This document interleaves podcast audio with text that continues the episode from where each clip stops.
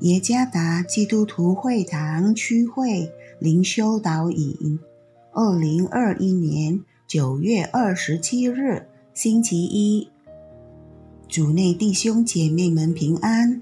今天的灵修导引，我们要借着圣经《使徒行传》十六章第九到第十节来思想今天的主题：为方向而挣扎。作者蔡国闪传道，《使徒行传》十六章第九到第十节，在夜间有异象现于保罗，有一个马其顿人站着求他说：“请你过到马其顿来帮助我们。”保罗既看见这异象，我们随即想要往马其顿去，以为。神召我们传福音给那里的人听。自从接受耶稣为主和救主后，我对传福音充满热情。我不断的找机会传讲基督的福音，必须承认这并不容易。我不断努力和挣扎，直到有一天，我姐姐邀请我透过辅导。来教流浪儿童学习，我参加了教学。从那次活动中，我意识到，透过向学生教学校功课，也可以传达基督的福音。上帝能够使用我的教学能力，作为传福音的渠道。在今天的灵修经文中。保罗顺服上帝之灵的指引，向马其顿传福音。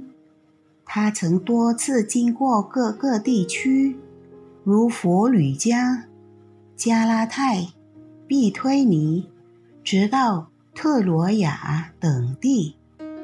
保罗非常热情于他所做的传福音工作，他并没有静止，而不断在动。但与此同时，他也不断地为上帝在他的传福音事工上的方向而祷告挣扎，直到最后，上帝向保罗敞开了马其顿教会的深切需要。保罗也明白了他该往何处去。这里要传达的信息是。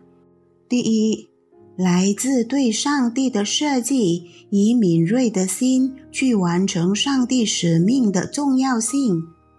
第二，不断与基督的灵挣扎，敏锐的察觉世上灵魂最深切的需要。